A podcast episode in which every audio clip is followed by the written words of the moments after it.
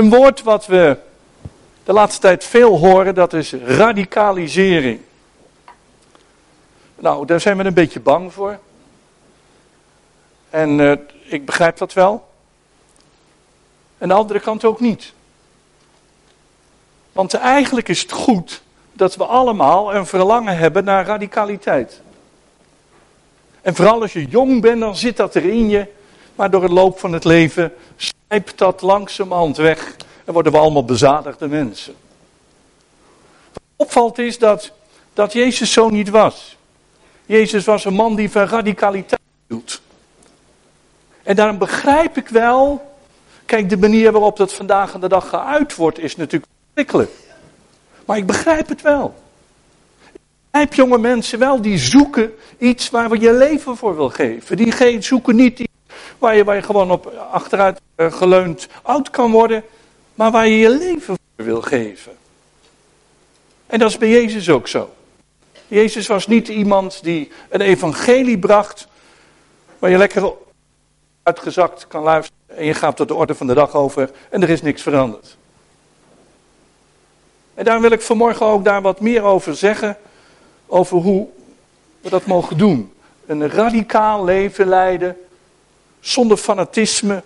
Maar diep geraakt te worden door het karakter en van God en in wie die is. Het volgende plaatje graag. Ik wil graag eerst gaan lezen uit uh, Genesis 17.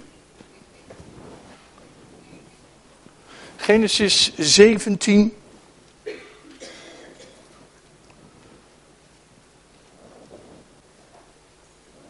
Toen Abraham 99 jaar oud was, verscheen de Heer aan hem. Dat is leuk. Dus je kan 99 zijn, dat de Heer nog aan je verschijnt. Nou, dat wil ik wel.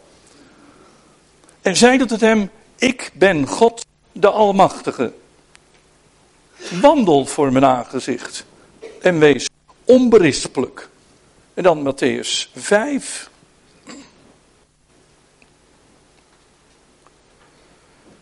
Ik ga niet het hele hoofdstuk lezen, want het is erg lang. Beginnen bij vers 17.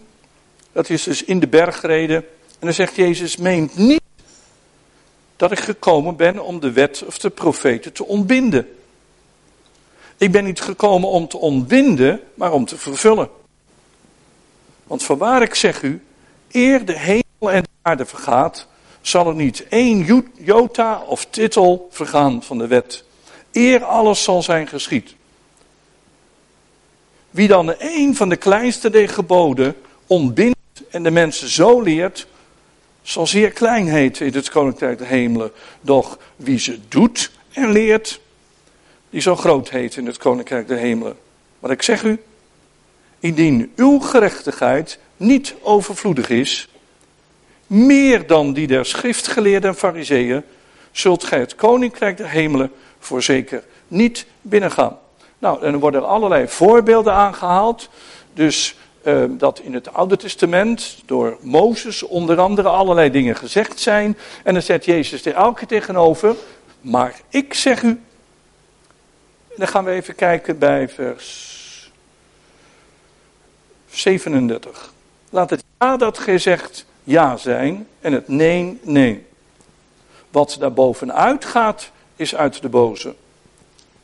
Ik heb gehoord dat er gezegd is, oog om oog en tand om tand. Maar ik zeg u, de boze niet te weerstaan.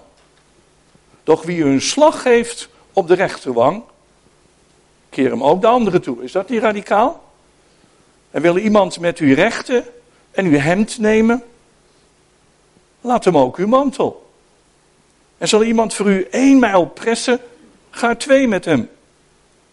Geef hem die van u vraagt en wijs hem niet af die van u lenen wil. Ge hebt gehoord dat er gezegd is, gij zult uw naaste lief hebben en uw vijand zult gij haten. Maar ik zeg u, hebt uw vijanden lief en bid voor wie u vervolgen. Opdat gij kinderen moogt zijn van uw vader die in de hemel is. Want hij laat zijn zon opgaan over boze en goede. Laat het regenen over rechtvaardigen en onrechtvaardigen. Want indien gij lief hebt, die u lief hebben, wat voor loon hebt gij? Doen ook de tollenaars niet hetzelfde? En indien gij alleen uw broeders goed, waarin doet gij meer dan het gewone? Doen ook de heidenen niet hetzelfde? Gij dan zult volmaakt zijn, gelijk uw hemelse Vader volmaakt is. Dank u Heer dat we vanmorgen in uw tegenwoordigheid mogen zijn. Heer, daarom willen we loslaten alle dingen die ons verhinderen om te kunnen luisteren naar wat u te zeggen heeft. Heer, trek ons vanmorgen met uw liefde. Heer, we willen geen kerkgangers worden die naar een preek luisteren en weer tot de orde van de dag overgaan. Heer, maar we willen dat u ons hart aanraakt. Dat u ons opnieuw in vuur en vlam voor u zet. Heer, dat we geen grijze muizen worden, maar radicale mensen. Wat anders dan de wereld erover denkt, maar wel radicaal. Raak ons hart aan vanmorgen, Heilige Geest. Open onze ogen op wat we mogen zien. Heer, u kent ons beter dan we onszelf kennen. U weet wat in ons hart is. U kent onze struggles, onze worstelingen. U weet de dingen die we graag zouden willen, maar lang niet altijd in praktijk kunnen brengen. Help ons, Heer, en bemoedig ons vanmorgen. Dat we niet naar onszelf kijken, maar dat we naar U mogen kijken. Want U bent onze God. In Jezus' naam. Amen. Het volgende plaatje graag. Ik geloof dat ik me even hier, dan kan ik even in de gaten houden of je het goed doet.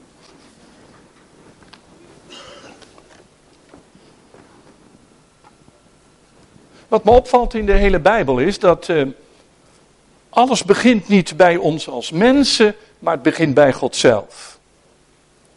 En wij zijn toch een beetje gewend om vanuit onszelf te denken. Wat me opvalt is daarom dat als God zich introduceert aan Abraham, dan begint hij te zeggen wie hij is. En ik denk dat alles in je leven begint met wie God is. Als ik terugkijk in mijn leven, heb ik al eens gezegd, zijn er twee dingen voor mij belangrijk. Het eerste is wie is God en als gevolg van wie ben ik. Maar het begint altijd wie God is. En God openbaart zich. Ik heb daar jaren geleden wel een studie over gegeven, over de namen van God. Misschien kan je het wel herinneren. Nou, één van de namen die God zich toe-eigent is El Shaddai. De MBG zegt de Almachtige. Andere vertalingen zeggen de onzakwekkende. Anderen zeggen de algenoegzame.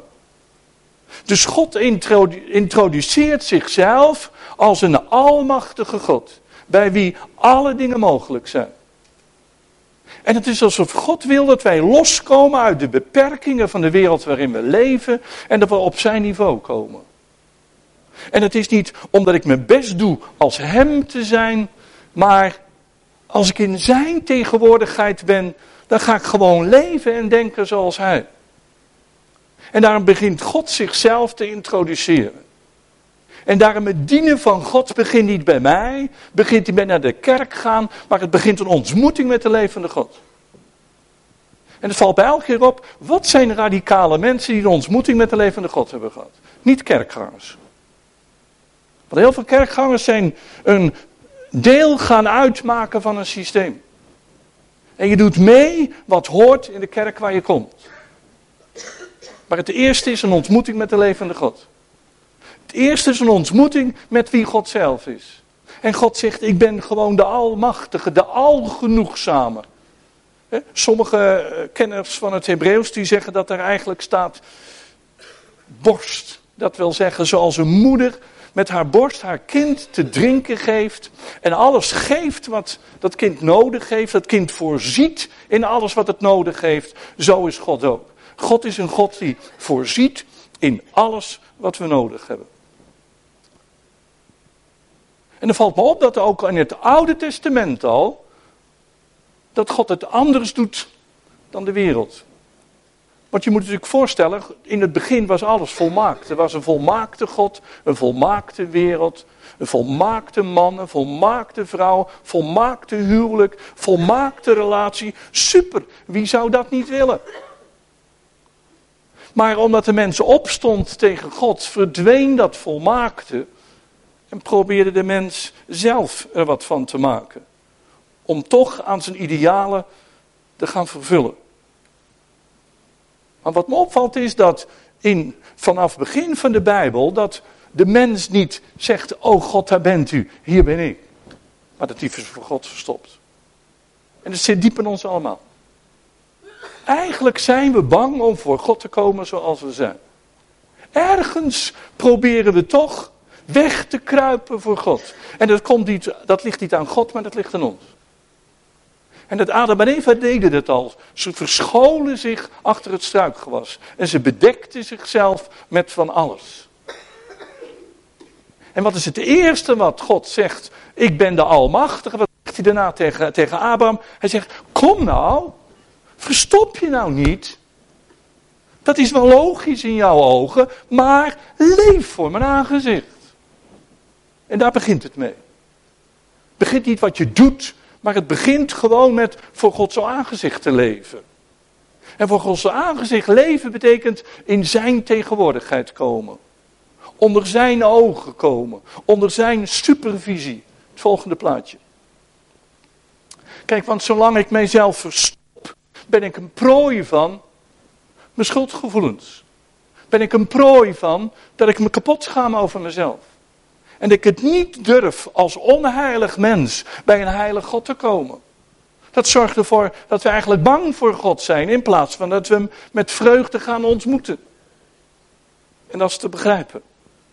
Maar het eerste wat God tegen die oude man van 99 jaar zegt, hij zegt ik ben de almachtige God en weet je waar je mee moet beginnen? Niet meer onberispelijk zijn, je moet beginnen door voor mijn aangezicht te wandelen. Je moet beginnen te wandelen zoals een vader met zijn kinderen omgaat. Volgende plaatje. Want dat is het eigenlijk. Kijk, wanneer de. Nee, terug. De vorige. Wat, wanneer durft een kind alles? Ja, als hij weet dat hij onder het oog van zijn vader en zijn moeder wandelt.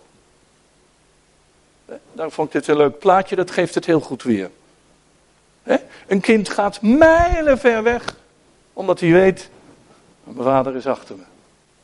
Nou, dat is nou leven voor Gods aangezicht. En dat is de wil van God. De wil van God is niet dat wij bezig zijn in de eerste plaats wat ik allemaal moet doen en waar ik aan moet beantwoorden. Maar het eerste wat God wil is voor zijn aangezicht leven. Onder zijn supervisie. Gewoon weten, overal waar ik kom, ja, daar is God. Ik ben veilig, ik ben geborgen, ik kan alles doen. En dat is waar God naar verlangt. God heeft zulke andere verlangens dan wij. Wij denken van nou, als ik maar behouden ben, als ik straks naar de hemel ga, dan zit het wel goed. Joh, dat interesseert God helemaal niet. Wat voor God het allerbelangrijkste is, dat je voor zijn aangezicht leeft. Want dat betekent dat je als een kind met zijn vader omgaat. En eigenlijk is ieder mens op zoek naar een vader. Als ik één ding in mijn leven altijd gezien heb, dat ik op zoek was naar een vader. En iedere mens is op zoek naar een vader. En God weet dat. En daarom zegt hij: Kom nou voor mijn aangezicht, want daar zal ik laten zien wie ik werkelijk ben. Ik ben niet die religieuze God, hoef niet voor naar een kerk toe te gaan, maar als je voor mij in mijn tegenwoordigheid leeft, dat is gewoon super. Het volgende plaatje. En wij denken dat als je met God gaat leven, dan mag je dit niet, dan mag je dat niet. En oh, dat weten we allemaal op te noemen. Joh, dat is Gods vocabulaire niet. God zegt voor mijn aangezicht leven, dat geeft ruimte. Dat geeft ruimte om te leven. Dat geeft visie op het leven. Dat zorgt ervoor dat je al je schaamte en je schuld, dat je er niet in blijft steken. Maar God geeft ruimte om te leven. Alleen wat is dat dan voor Gods aangezicht leven? Is dat, is dat moeilijk? Nee, is eigenlijk helemaal niet moeilijk. Dat, eigenlijk is het hele principe dat God gewoon zegt: Kom nou maar gewoon als een mens uit één stuk. Kom nou, ik geloof dat de, de herziende die vertaalt dat met een wezen oprecht. Dat betekent gewoon, heb geen dubbele verhalen, heb geen dubbele patronen, maar kom gewoon. Onverdeeld. Kom gewoon. Een man en een vrouw uit één stuk en die met mij willen wandelen. Die niet een dubbele agenda hebben. Die niet anders doen dan het zeggen. Maar gewoon onbekommerd voor Gods aangezicht mogen leven. En dat is waar we aan moeten wennen. Want jongens, overal word je beoordeeld. Overal heeft iedereen allemaal kritiek op. Zeker in de samenleving in we leven. Wat zijn de eisen hoog? Waar wordt iedereen overspannen van? Alle eisen. Want het is nooit goed genoeg. En er zijn altijd weer nieuwe plannen. En altijd weer reorganisaties. En we beginnen weer waar we 30 jaar geleden ook al waren. We gaan het opnieuw uitproberen, want het moet altijd anders. En het moet altijd beter. God zegt, doe nou maar normaal, joh. Want dat geeft ruimte. Je hoeft jezelf niet op te pompen. Kom gewoon. Onverdeeld. Een mens, een man en een vrouw uit één stuk. Die mogen leven met een onverdeeld hart. En waarom zegt de Heer dat tegen Abraham? Omdat hij moet leren zich niet te laten inpalmen door de wereld. Want we leven in een wereld die wel zo is. En dan zijn wij als kinderen van God wel anders. Maar ja, als je in een wereld leeft die zo op een andere manier leeft, die doet jou denken dat jij gek bent in plaats van dat het zo is. En daarom zegt de Heer ook tegen Abraham, hij zegt, laat je daar nog niet door inpalmen. Blijf nou gewoon wandelen waar jij van weet dat ruimte geeft. En als er één ding waar is, jongens, wat geeft het ruimte om in de tegenwoordigheid van God te wandelen? Wat is het geweldig of je nou in je auto zit of dat je op je werk zit. Wat is het geweldig of je s'nachts nou slaapt of dat je wakker ligt. Of dat je naar het droom hebt of dat je super blij bent. Maakt niet uit. Overal waar je bent is in de tegenwoordigheid van God. Waar jij bent, daar is God. En God zegt tegen Abraham, durf dat nou maar. Geef je daar nou onverdeeld aan over. Denk niet zo verschrikkelijk veel. Zit niet, bezig, niet zoveel met jezelf bezig of je wel heilig genoeg bent. Hou je er allemaal niet mee bezig. Wandel voor mijn aangezicht. Ja, en als je dat doet, ja, dan is het gevolg ervan dat het je zo naar je zin krijgt dat je niet anders meer wil. Wij beginnen vaak bij wat we doen. Maar de Bijbel begint niet bij wat je doet. Het gaat bij wie je bent. En laten we dat vandaag opnieuw terugkeren. En ik snap wel dat het hier in de kerk wat anders is dan morgen op je werk. Want die zeggen dat jij typisch bent. Maar het is andersom hoor. Want wat je in de kerk hoort, dat mag je alle dagleven zijn. Dat is normaal. En God nodigt je eruit. En er gaat een ruimte komen. Je maakt je niet meer druk wat andere mensen van je vinden. Je maakt je niet meer drukker over of je het nou volgens de normen van de wereld perfect doet. Daar hou je allemaal niet mee bezig. Want je geniet van de tegenwoordigheid van God. En God heeft overal verstand van. God heeft meer verstand van wiskunde dan jij. En God heeft meer verstand van natuurkunde dan jij. God heeft overal verstand van. En voor zijn aangezicht leven ja, dat geeft ruimte. Het volgende plaatje. En dat geeft veiligheid. Dat zorgt ervoor dat je durft te leven, wat er ook op je afkomt. We hebben allemaal gemerkt, het leven is niet altijd even makkelijk. En er gebeuren allemaal dingen die we niet opgezocht hebben, maar die wel gebeuren. En waarom? Ik weet het ook niet. Maar één ding is zeker, wat me in mijn leven ook overkomt, ik ben er nooit alleen in. En dat geeft veiligheid. Dat geeft rust.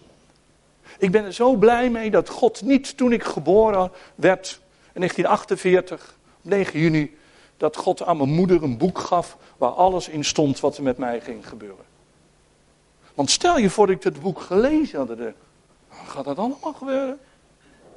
Dus dat doet God helemaal niet. God vertelt al die dingen niet van tevoren. Die kun je helemaal niet aan. God zegt één ding, wandel voor mijn aangezicht. En durf onverdeeld je daarin over te geven. En je zal zien, je kunt het leven aan. Het komt goed met jou. Het volgende plaatje. Maar de maatschappij waarin we leven, ja, die is op zoek naar volmaaktheid. Die is op zoek naar het hoogste. Die is op zoek naar dingen die nooit genoeg zijn en die altijd weer hoger liggen. En dat komt voort uit de trots van de mens. Want ergens willen we als mens toch de kloof overbruggen tussen de harde werkelijkheid en waar we van weten dat het zo niet is. Je kan mij niet vertellen dat iemand die een ander kapot schiet, dat die denkt, ja, ja, ja, ja, ja, ja, zo had het eigenlijk moeten zijn. Helemaal niet waar hoor. Want iedereen weet heel goed dat dat de bedoeling niet is als je het soms snapt naar een ander toe, snap je het wel als je vader en moeder eraan gaan. En dan snap je wel als je eigen kinderen eraan gaan. Of je partner. Maar de trots van de mens leeft in de illusie. Ik ga de kloven overbruggen tussen wat ik graag wil en de harde realiteit van het leven. En als kerkmensen denken wij ook van, ja maar, ik ga ervoor zorgen dat God van mij houdt. Ik ga die kloof overbruggen. Ik ga meer bidden. Ik ga meer in mijn Bijbel lezen. Ik ga meer vasten. Ik ga meer naar de kerk. En ik ga meer dit en ik ga meer dat. Want dan houdt God van mij. Maar God zegt, joh, dat heb ik van de begin nooit bedoeld. Want je begint allemaal te praten over wat jij doet. Maar begin nou te leven voor mijn aangezicht. Begin nou te leven in mijn tegenwoordigheid. Want dan gelden hele andere normen.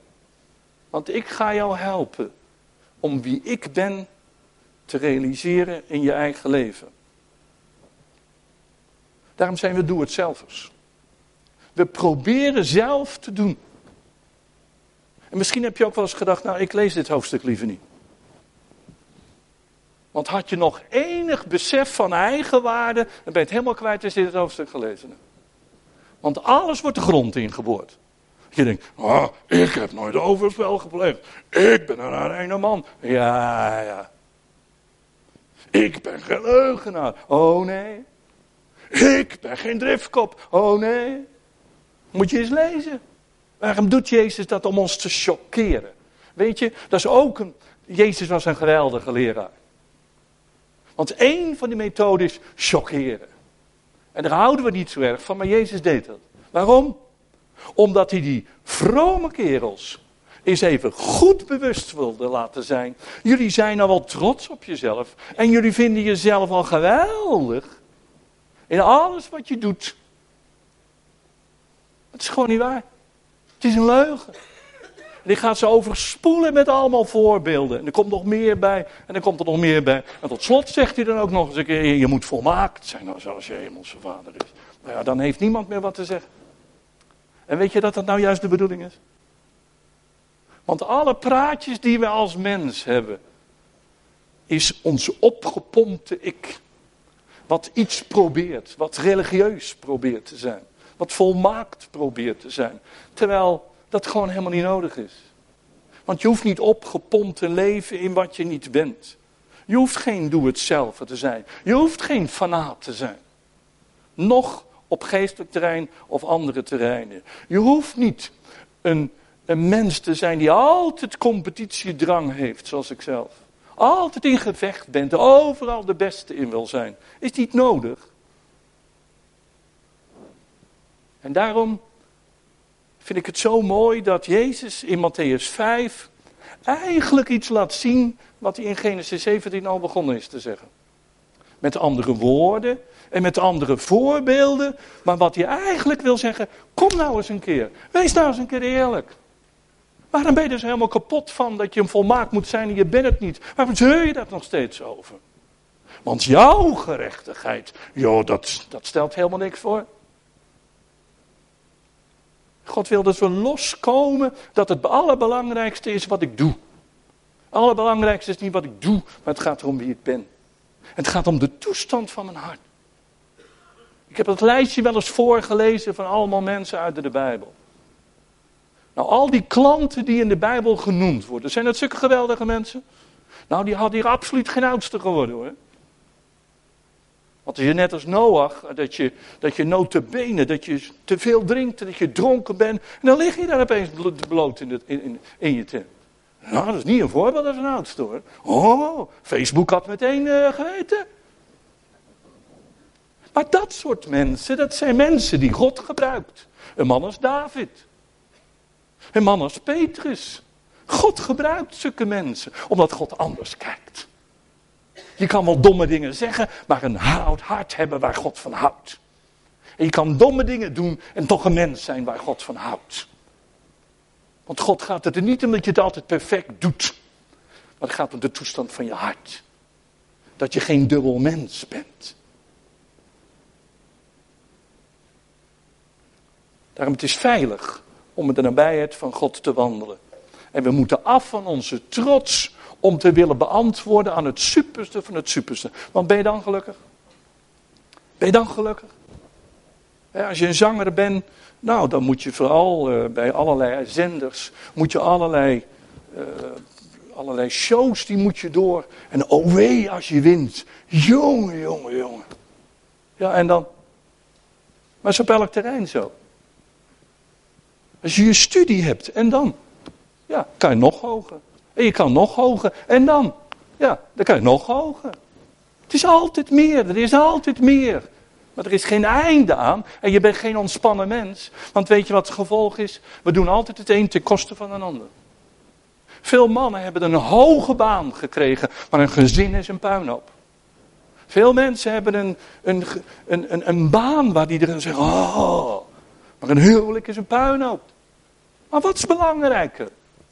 Je gezin en je huwelijk of een baan? Wat is belangrijker dan alle dingen? En dat is nou wat God wil voorkomen. God wil dat wij loskomen van allemaal normen die ons helemaal niks verder brengen, waar we alleen maar door in de vernieling komen. Volgende plaatje. Want waar wordt de nadruk op gelegd? Ja, sommige mensen zijn, kritisch, die, die, die zijn er trots op ze kritisch zijn. Ja, ik geloof niet alles hoor. Geweldig. Maar waarom ben je zo kritisch? Waarom doe je dat? Waarom bekijk je altijd naar iets wat niet goed is? Weet je, het lijkt wel alsof de Bijbel er lol in heeft om ons daarvan los van te maken. Weet je, onze trouwtekst was uit Hooglied. Misschien degenen die bij waren kunnen dat nog herinneren. Je bent zonder gebrek. Ja, dan scheelt het niet veel, Bethea, maar.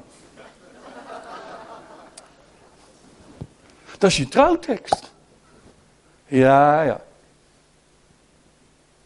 ja. Na 17 jaar kan je dat nog zeggen? Rijden, zeg je nog steeds. Ja, je, hebt er wel het gauwrak weggehaald, maar. Uh, zeg je nog steeds, zonder gebrek ben je. Praat me er niet van. Hoe langer je getrouwd bent, hoe beter je weet wat niet goed is. Maar je leert verkeerd kijken. Je leert verkeerd kijken. Want je leert kijken naar wat je niet doet, goed doet. En het goddelijke denken, God zijn hobby is niet om te kijken wat je allemaal fout doet, dat hebben wij ervan gemaakt. Dat God zijn hobby is constant te kijken wat ik allemaal fout doe. Daar is hij zijn hele leven mee bezig. Jongen, jongen, wat een baan om God te zijn. Maar zo kijkt God helemaal niet. En toen ik dat opnieuw las, dacht ik, ja dat is waar. Je moet gewoon vasthouden, zoals je over je vrouw denkt, denk over 30 jaar nog zo over de. En denk je, ja, ja, als ik het geweten had. Nee, helemaal niet. Toen keek je goed, nou kijk je niet meer goed. Weet je waarom veel mensen uit elkaar gaan? Omdat ze gewoon denken dat ze niet meer goed kijken. En ze denken, ik ben een stommerd geweest. Nee, je bent geen stommerd geweest. Je moet gewoon blijven kijken zoals je keek. Want zo doet God het ook. God is niet bezig met waarom dat je niet allemaal goed doet. Jongens, bij sommige mensen is dat ook zo. Waar zeuren ze altijd over? Wat je niet goed doet. En ik weet het als prediker ook, jongens. Ik ben verre van volmaakt. Dus er zal van alles op aan te merken zijn. Prima. Maar als je daarmee bezig bent vanmorgen, had je beter op je bed kunnen blijven liggen. Want dan word je niet gezegend. Want God gaat het er niet om wat wij allemaal vinden. Laat staan dat ik bij mijn kinderen dat ze doen. Die kinderen worden gek. We hebben allemaal onze huwelijksseminars. Oh jongens, het wordt alleen maar erger. Want je hoort hoe het allemaal hoort. En hoe het allemaal moet. En hoe volmaakte mannen en vrouwen die die seminar geven. Ja, zo wordt jouw huwelijk nooit. Dat is de verkeerde manier van denken, joh. Slaat gewoon helemaal nergens op. Doe normaal. Goddelijk normaal. Dat betekent voor zijn aangezicht leven. En niet door het systeem van de wereld meegenomen te worden in wat allemaal moet. Wat buiten de werkelijkheid staat. Het volgende plaatje. We zijn controleurs en piekeraars geworden. We zijn altijd met onszelf bezig. Altijd. Oh ja, ja, ja, ja, ik moet daar toch bijwerken. Ik moet echt een cursus voor volgen, want daar is nog geen goed punt bij. En we zijn altijd proberen een ander in onze paadjes te krijgen. En als een ander precies doet wat we zeggen, zeg, oh, ik heb zo naar mijn zin in mijn leven, controleur. Maar dat is Gods principe niet. God is zo niet bezig. Dat is omdat wij de kloof willen overbruggen tussen het dagelijks leven en waar wij van denken dat we allemaal aan zouden moeten beantwoorden. Maar de bedoeling is dat ik niet altijd pieker over wat er niet is, maar dat ik mag genieten van de aanwezigheid van God. Volgende plaatje. Geen ruimte voor fouten. Nou, laat ik nou alles in mijn leven geleerd hebben door eerst fouten te maken. Ja, is toch zo? Rijden tenminste, het is in ieder geval een normale man daar in Waddingsveen. Die snapt tenminste wat ik zeg. Degene die erbij waren toen ik voor de eerste keer preekte. Jongen, jongen, jongen.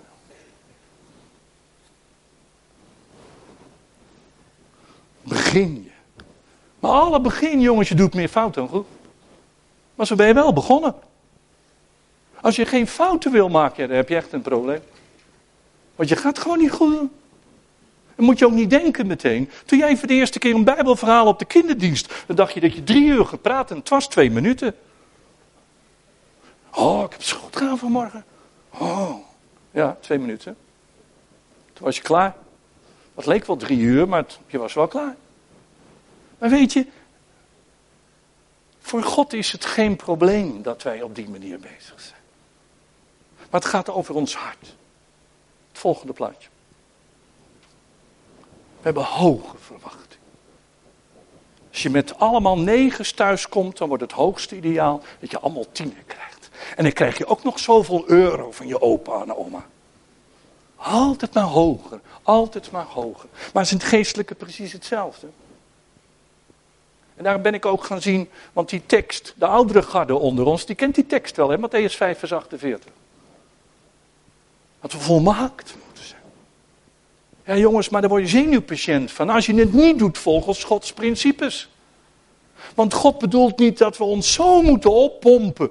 En dat we moeten zijn als God vanuit onszelf. Jongens, dat lukt je nooit. volgende plaatje. Nou ja, als we daarover gaan praten, is het helemaal het einde. Tante Nel, op jouw leeftijd ben je natuurlijk nog een ster, maar ja, wat de, rest betreft. Waar zijn we allemaal voor bezig? Waar zijn we allemaal mee bezig? Ja, we zijn pas nog een keer gezellig met Tante Nel geweest. Geweldig mens. Als je dat soort plaatjes allemaal ziet, als je tv ziet, jongens, dan is daarna toch. Wat zie ik eruit? Wat een hobbezak ben ik. Jongen, jongen, jongen, jongen, jongen. Ja, maar waarom? Wat is mooi zijn? Wat is schoon zijn? Wij denken dat mooi zijn is wat men in de wereld onder mooi zijn verstaat. Maar sommige mensen zijn zo mooi, maar als ze een mond open doen, dan zeg je: Oh, had jij je mond maar gehouden. Want wat uit de mond komt, is echt niet mooi hoor. En daar staren wij ons allemaal blind aan. Niet voor Gods aangezicht leven. Want als jij met God praat over dingen, zo praat God niet met jou hoor. Het volgende plaatje. We willen perfect zijn. En het vervelende is dat dan Jezus ook nog een keer zegt dat je volmaakt moet zijn als je hemelsvader maakt. Nou ja, dat lijkt wel precies in het bakje te vallen. Ja, maar dat is zo anders. Het is zo anders. Jezus praat zo anders. Kijk, wij vertalen dat vanuit onze manier van denken. Oh, zonder fout. Oh, dat ik alles goed doe. Dat ik nooit meer iets doms zeg. Dat ik altijd perfect tegen mijn vrouw zeg: Ja, vrouw, nee, vrouw. Het goede moment allemaal. En als je moe bent, geweldig. Dat is het hoogste ideaal. God zegt: Doe normaal. Want dit is niet volmaakt zijn. Volmaaktheid heeft met je hart te maken. En niet in de eerste plaats met wat je doet. Het volgende plaatje. En dan zegt Jezus, gij dan zult volmaakt zijn gelijk uw hemelse vader volmaakt is. Kijk, die tekst moet je niet losmaken van de rest van het gedeelte. Dat is het slotstuk, de conclusie van dat hele mooie hoofdstuk waar hij al die dingen uit. En dan zegt hij nou, de eindconclusie is dat je volmaakt moet zijn. Zoals de hemelse vader volmaakt is. Het volgende plaatje. Ik ga er zo wat meer over zeggen om te laten zien wat God ermee bedoelt. Want Jezus zegt, eigenlijk heb je twee manieren van leven. Je hebt het gewone leven en je hebt een leven meer dan het gewone. En wat is het gewone leven? Nou, in het gewone leven, dat is op jezelf gericht. Het gaat altijd over jou. Je doet datgene wat goed is voor jou. Je doet hetgene waar jij blij mee bent. En die preek is geweldig, die jij geweldig vond. Allemaal op jezelf gericht. En in de tweede plaats, het heeft altijd zijn grenzen. En dat zie je ook. Daarom haalt Jezus het voorbeeld ook aan van oog om oog en tand om tand. Ik heb het al eens vaker gezegd. Dat lijkt zo redelijk. En eigenlijk zijn we nieuwtestamentische christenen, maar eigenlijk houden we van de oud-testamentische logica. Jij bij mij één oog eruit. Ja, ik ben jou. Dat is eerlijk. Zeg, ja, ja, dat klopt wel aardig. Bij mij één tand eruit. Nou, mag ik bij jou één tand eruit? Nou, ja, dat accordeert bij ons zo. Maar Jezus zegt, dat is het gewone. Dat is een mens die mijn hart niet kent. Want die maakt zich niet druk over wat goed voor die ander is. Die maakt zich alleen maar druk wat goed voor jou is. En waar jij blij mee bent. En wat voor effect het op jouw leven heeft. Daar ben je mee bezig. Maar Jezus zegt, dat is gewoon. Mensen die Jezus niet kennen, daar is dat precies hetzelfde. Als jij een ander complimenteert en je geeft een ander geschenken, nou dan ben je toch aardig. Ook iemand die geen kind van God te zeggen. Oh, wat zijn die niet kinderen van God toch goede mensen. Ja, zolang je precies doet wat ze leuk vinden. En Jezus zegt, dat is nou de norm van de wereld. En dat is waar het Oude Testament weer aansluit. Kijk, het Oude Testament, daar kon een mens zijn hart niet veranderen. En daarom geeft God een aantal regels en aanwijzingen waardoor we alle dingen binnen de perken kunnen houden. Het geweld binnen de perken, er was wel geweld, maar binnen de perken. Scheiden was wel ruimte voor, maar binnen perken. Alles was eigenlijk geregeld. En je zou kunnen zeggen van, als je er allemaal naar luistert, dan doe je het goed. Ja, dan doe je het goed, maar je bent niet goed.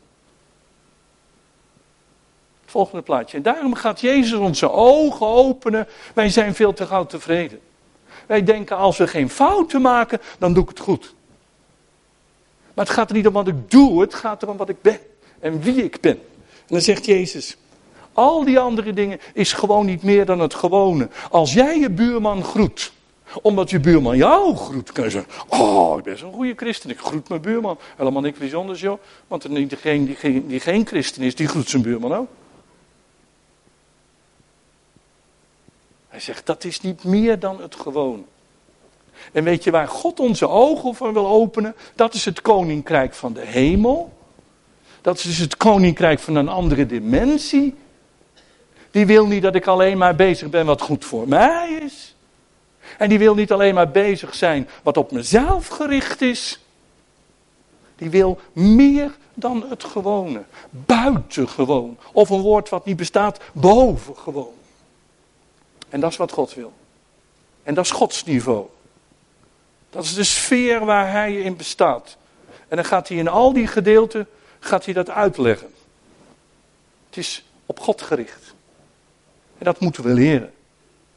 Want het is niet belangrijk wat ik ergens wat van vind, maar het allerbelangrijkste is wat God ervan vindt. Het gaat er niet om wat goed voor mij is, het gaat erom wat goed voor een ander is. Want dat is liefhebben. Liefhebben is niet van iemand houden omdat ze goed voor jou is. Maar liefhebben is van een ander houden terwijl die gewoon een ploert voor je is. Dat is het evangelie. Wij hebben het allemaal gewoon gemaakt. Dan lijkt het wat meer bereikbaar. Maar het is gewoon niet waar. Het evangelie is meer dan gewoon.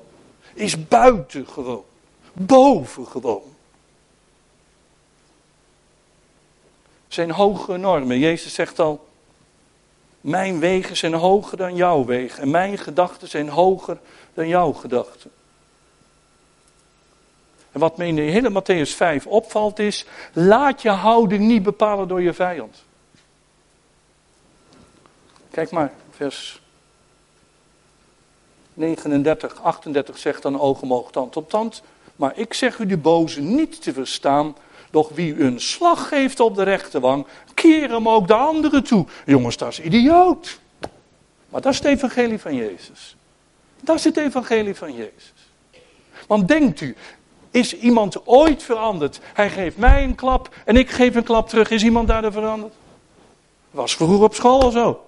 Als iemand je een klap gaf, je gaf een klap terug. Was daar het probleem erop gelost? Nog een klap, nog een klap, nog een klap. Geen einde aan. Want ik denk aan mezelf. En Jezus zegt, laat het gedrag van een ander jouw gedrag niet bepalen. Als een ander jou slaat, dat moet hij weten, maar jij doet het niet. Zegt een ander rot dingen tegen jou, moet hij weten, maar jij doet het niet. Want je wil dat die ander gered wordt. Want iemand die een ander uitscheldt. En een ander die een ander met geweld gebruikt om hem kapot te maken. Die man heeft redding nodig. Die heeft liefde nodig. Die snapt het leven niet. En waar moet het vandaan komen? Bij jou en bij mij. Vergeet nooit dat er jaren geleden een boek was. En dat had de titel Zijn hart bleef zacht. Ik heb geen tijd gehad om een boek te lezen, maar die titel die vond ik geweldig.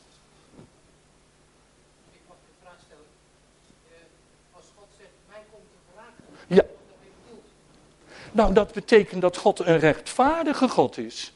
En dat de dingen waar het leven geen recht in lijkt te spreken, dat dat wel gaat gebeuren. Alleen God geeft de mens meer tijd dan wij.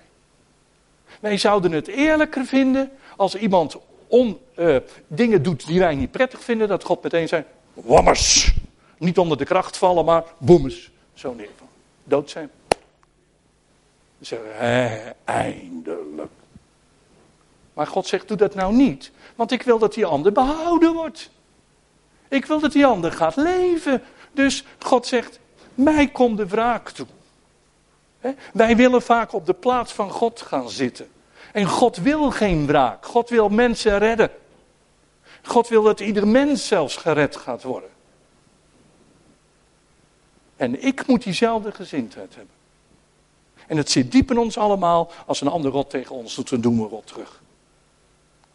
Maar Jezus zegt, dat, dat, is, dat is gewoon. Dat doet iemand die geen christen is.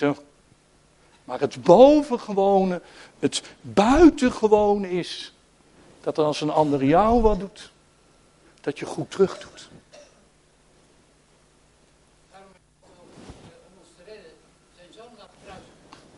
Is toch, het is toch gewoon niet normaal? Want wij hebben God beledigd. Wij zijn tegen God opgestaan. En dan geeft hij zijn eigen zoon daarvoor.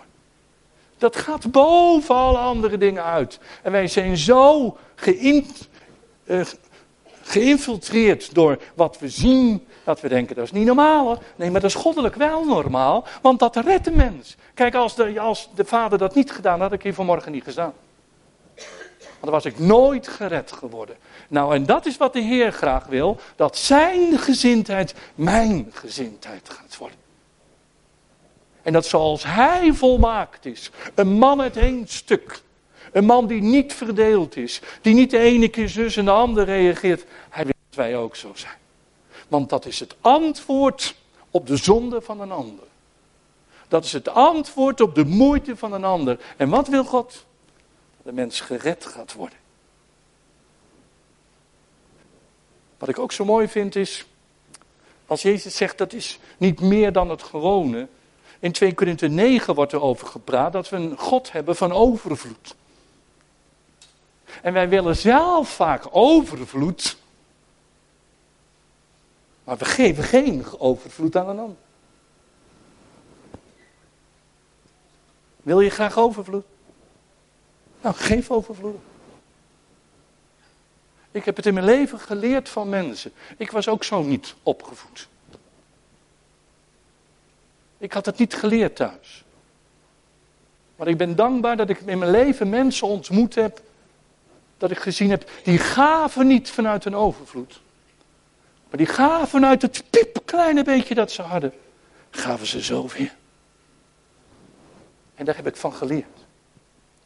Want pieterpeuteren, die krijgen pieterpeuteren. Maar mensen die overvloedig geven, die krijgen overvloedig. Dat is Gods niveau. Heel goed, jongen, je bent goed wakker vanmorgen. Helemaal waar het. Je krijgt niet om een dikke bankrekening te krijgen en als je doodgaat, zo, oh, ik lekker rijk gestorven. Ja, waarom moet je rijk sterven? Was vroeger zo'n bordje ook, hè? Oh nee, het was beter rijk leven dan rijk sterven. Maar waarom wil je rijk sterven? Jongens, wat heb je eraan? Geef. God is een gevende God. God is een overvloedige God. En ik ben nog nooit kinderen van God tegengekomen die er spijt van hebben en die zeggen: Oh, ik heb er zo spijt van. Ik heb zoveel gegeven. Heb je nooit spijt van. Dat is het principe van God. God geeft zelf het voorbeeld. God doet het en hij laat aan ons zien hoe het moet. Dan zegt Jezus, je moet je vijanden lief hebben. Iemand lief hebben die jou lief heeft, dat is makkelijk. Maar een vijand lief hebben. Denk eens aan die rotkerel van je baas. Denk eens aan die vervelende buurvrouw. Wat zegt Jezus? Hou van. Hou van. God laat de zon schijnen, over de goede en de kwade. En laat het regenen voor de rechtvaardige en onrechtvaardige of andersom. Maar in ieder geval, God doet alleen maar goed. En hij zegt, als jij dat doet, gaat het ook goed met jou. Want het zegt wat over je hart. Anders is het gewoon, jij geeft de ander naar de mate dat hij jou geeft. Maar je moet een ander niet geven naar de mate dat hij jou geeft. Jij moet geven, ook al geeft die ander niks. Want het gaat niet om mij. Liefde is niet wat goed voor mij is, maar is goed wat voor de ander is. En die vijand, die jouw vijand is, weet je wat hij nodig heeft? Die heeft jouw liefde nodig. Dan ben je een kind van je vader. Dan lijk je op je vader. En dat is wat ik graag wil. Makkelijk? Nee. Want dat betekent dat ik in een tegenovergestelde geest moet leren reageren.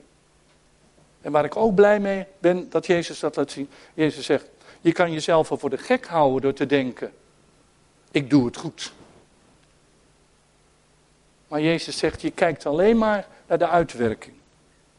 Maar elke zonde begint ergens. En die is niet pas fout op het moment dat die uitgewerkt wordt. Dat is van begin af aan, in het meest primitieve stadium, is het al fout. Is het al opstand? Is het al zonde? En daarom laat Jezus, zegt Jezus ook, je gedrag is niet het probleem, je hart is het probleem. En dat moet veranderen. Daar moet ik bij komen. Want je kan je gedrag aanpassen in allerlei dingen, maar vroeg of laat doe je het toch. Maar je hart, dat moet aangeraakt worden. Een verandering van hart. En dat is het Nieuwe Testamentische evangelie. Nieuw-testamentische evangelie praat niet over dat je je daden moet aanpassen, maar dat je anders van hart mag worden. Dat je op je vader mag gaan lijken. En hoe meer je voor zijn aangezicht leeft, zal blijken hoor. Ja, klopt het toch iets niet? Dan klopt het gewoon niet. Dat kan gewoon niet. Hoe je met je vrouw, met je man, met je kinderen, met je buren, weet ik ook hoe je daarmee omgaat. Is dat makkelijk? Nee. En ik weet waar ik over praat. Volgende plaatje. En waarom kan ik dat? Omdat Jezus al onze onvolmaaktheid droeg. Jezus ging aan het kruis en droeg al jouw tekortschieten. Al jouw ellende. Al je schaamte. Alles wat rommel in je leven is. En waar je kapot voor schaamt om iemand te vertellen wat er allemaal in je hart plaatsvindt. Maar Jezus zegt, geef het maar aan mij. Want ik draag de straf voor jou. Weet je, het evangelie is veel mooier dan altijd verteld wordt. Het evangelie is weer gemaakt voor, voor wat hoort wat. En veel kerken is dat er precies op gelet wordt hoe je je netjes gedraagt. Onbelangrijk voor de Heer. Het begint in je hart. En als je gaat begrijpen dat al jouw onvolmaaktheden, dat die gedragen zijn door Jezus Christus. Dat jij zijn gerechtigheid krijgt. Want het gaat niet om dat ik probeer wat te zijn. Geeft hij aan mij. En ik zal in jou uitgieten een hart wat naar mij uitgaat. En wat ernaar verlangt te leven in het koninkrijk van de hemel. volgende plaatje. En dat is het woord genade. Kijk, als je dit hoofdstuk, Matthäus 5, als je dat met je hart doorleest, dan kom je op de plek van genade. Ben ik beter dan een ander? Oh no. Als dit waar is wat Jezus zegt, gaat het zo diep. Ja, zo diep gaat het. En daarom deed Jezus dit ook. Jezus choqueerde al die mensen die zichzelf zo goed vinden. Waarom? Omdat ze bij Jezus moesten uitkomen. En als Jezus ons de normen van God laat zien, is dat niet dat jij je best doet in je op te pomp op zijn niveau te komen. Maar dat je open komt voor de genade van God. En dat de Heer zegt, ik wil je alles schenken wat je nodig hebt. Ik geef mezelf. Ik geef mijn zoon. Ik geef mijn geest. Wat moet ik nog meer geven? Alles wat ik ben en wie ik ben, dat geef ik in jou. En stort ik in je hart uit. En mijn genade, die hoef je niet te verdienen. Die hoef je niet terug te betalen. Het schiet altijd wat jou als mens tekort. En het heeft niks met jou te maken, maar alles met God. Weet je, werkelijk God dienen, dat, dat breng je tot rust. Ik lig daar tegenwoordig niet meer wakker van. Wat een ander vindt wat ik had moeten doen, daar lag ik wakker. En nu ben ik tot rust gekomen. Want de genade van God die zorgt ervoor dat ik mag leven, niet wat ik hem bied, maar wat hij mij biedt. En wat hij mij biedt is zichzelf. Alles. Verkrijgbaar, beschikbaar voor niets. En dat is nou genade. Het volgende plaatje.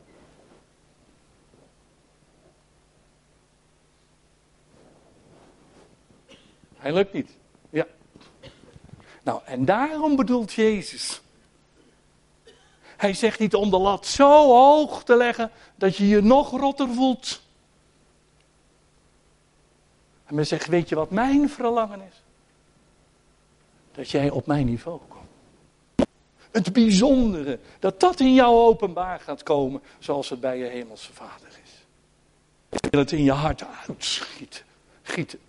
En ik wil dat je, dat je zo een onverdeeld hart bent. Want volmaakt zijn is diep. Nooit iets fout doen. Het Griekse woord wat daar gebruikt wordt, is verbonden met het Hebreeuwse woord uit Genesis 17. En het Hebreeuwse woord tamim, dat volmaakt, onberispelijk betekent onverdeeld zijn. Uit één stuk zijn. Niet dit en dat, maar uit één stuk zijn. En Jezus zegt, dat is waar ik naar verlang. Dat ik mijn genade zo in je mag uitgieten, dat je de mens uit één stuk bent. En zoals je hemelse vader vanuit een ander principe, vanuit een ander hart werkt, zo mag jouw hart anders functioneren. Niet omdat jij zo je best doet, maar omdat je in mijn tegenwoordigheid leeft. En ik heb in mijn eigen leven ook gezien, ik mag van de duivel alles als ik dat maar niet doe. Ik mag druk zijn met de problemen van een ander. Niet in de tegenwoordigheid van God leven. Want als ik in de tegenwoordigheid van God leef, dan is er rust. Dan probeer ik iets voor te stellen wat er niet is. Gewoon rust. Ontspanning. Ruimte. Vrijheid. Allemaal in het koninkrijk van God. En dat is wat ik vanmorgen jullie willen aandragen ook. De bedoeling van het christendom is niet, niet de lat nog hoger te leggen, want dat doet de wereld al genoeg. Maar het christendom is juist niet de menselijke lat, maar God zegt, ik ben de norm. En wie ik ben, ja, dat gaat bij jou ook zo ver komen. Want ik ga je helpen. Ik giet mijn gerechtigheid in jou uit. En als je voor mijn aangezicht komt, dan zie ik niet alles wat je fout doet. Dan denk je, oh, dat wordt nooit wat met die kerel. Maar als God naar jou kijkt, dan ziet hij Jezus in jou. En hij zegt, het komt goed. Want Jezus, het komt goed hoor. Als Jezus in die ander woont, ja, dat komt gewoon goed. Dat kan gewoon niet anders. Want hij heeft het al voor elkaar gekregen. Nou, hij gaat het bij jou en mij ook ongelooflijk voor elkaar krijgen hoor. Stop daarom om te proberen zelf een goed mens te zijn. Want dat ben je gewoon niet. Maar laat de Heer de kans, geef de Heer de kans om zijn gerechtigheid in jouw hart uit te gieten. En dat je op je hemelse vader gaat lijken. En dat is klas. Ben je dan een bovenste beste voor iedereen? Nee, sommige mensen zullen je stom vinden, maar ja, bevalt me goed, dan maar stom. Ja, beter goddelijk stom dan uh, dan menselijk dat je super bent. Snapt u dit? Die 5, Matthäus 5 vers 48 is niet het einde van, oh, dat moet ik bereiken. Ik ben in struggle en hopelijk bereik ik dat een keer. Had een poosje geleden met Thea samen een verhaal over een voorganger die dus onder deze boodschap gezeten heeft al die jaren. En die man was zo teleurgesteld vlak voordat hij stierf dat hij niet volmaakt was. Hersenspoeling. Hersenspoeling. Want het gaat er niet om dat ik mezelf moet oppompen om een norm te bereiken. Jongens, daar praten we helemaal niet over. Dat is absurd, dat gebeurt nooit. Maar God heeft een evangelie gegeven wat veel mooier is. Want het gaat er niet om wat jij doet, maar God gaat het in jou doen. En jouw gerechtigheid gaat daar het gevolg van zijn. Je bent geen rechtvaardige om wat je doet, maar omdat je een rechtvaardige bent door het bloed van Jezus Christus. Ja, daarom ga je steeds meer het laten zien in jouw leven en kom je op Gods niveau. Volgende plaatje. En het antwoord is altijd weer liefde. Zullen we elkaar opzoeken, Romeinen 13. Het vervelende is, wij hebben, oh, liefde, daar hebben wij een beetje een, een vreemd woord van gemaakt. Wordt, wanneer wordt er over 1 Corinthië 13 gepreekt? Bij een huwelijksinzegening. Want daar gaat het over liefde. Wie zegt dat? Romeinen 13. Als iemand van jullie dat hardop wil lezen, maakt me niet uit welke vertaling. Ga maar staan op je plaats en lees het hard en duidelijk. Romeinen 13, vers 8 tot en met 10. Wie? Welke broeder of zuster wil gaan staan? Goed zo, Hugo. Laat maar horen.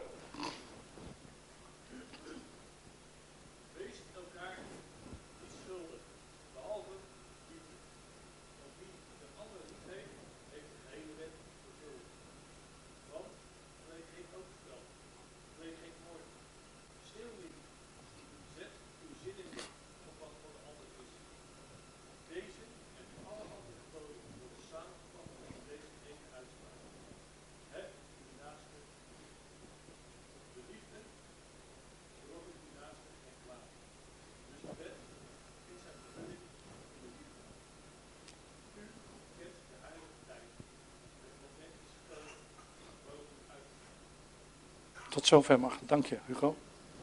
Wat is het antwoord? Liefde. Dat is het antwoord. Niet je mag dit, niet je mag dat niet. Allemaal waar, joh. Weet je wat het antwoord is? Liefde.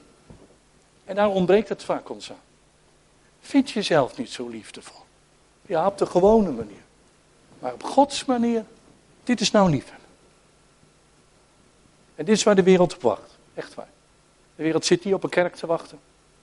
Maar de kerk zit op mannen en vrouwen te wachten die op God lijken. En dit evangelie uitdragen. Waar zitten alle vluchtelingen op te wachten? Op het evangelie van Jezus Christus. Zo dichtbij. In praktijk. En kies als kerk ervoor opnieuw. Ook als jullie een poosje naar de stek toe gaan. En hier weer terugkomen. Kies ervoor om te zeggen. Dat is wat we willen. Geen mooie praatjes. Die kerken zijn er zat. Maar een kerk die liefde vertaalt die liefde uitgaan. En die niet alleen maar van mensen houden die geld in het laadje brengen. Want die wil iedereen wel eens een kerk. Maar ook mensen die niks te geven hebben. Maar die krijgen alles te ontvangen. En je zal zien dat God het zal gebruiken om vele mensen tot Jezus te leiden. Als we het evangelie van Jezus Christus in praktijk gebruiken. Heb lief.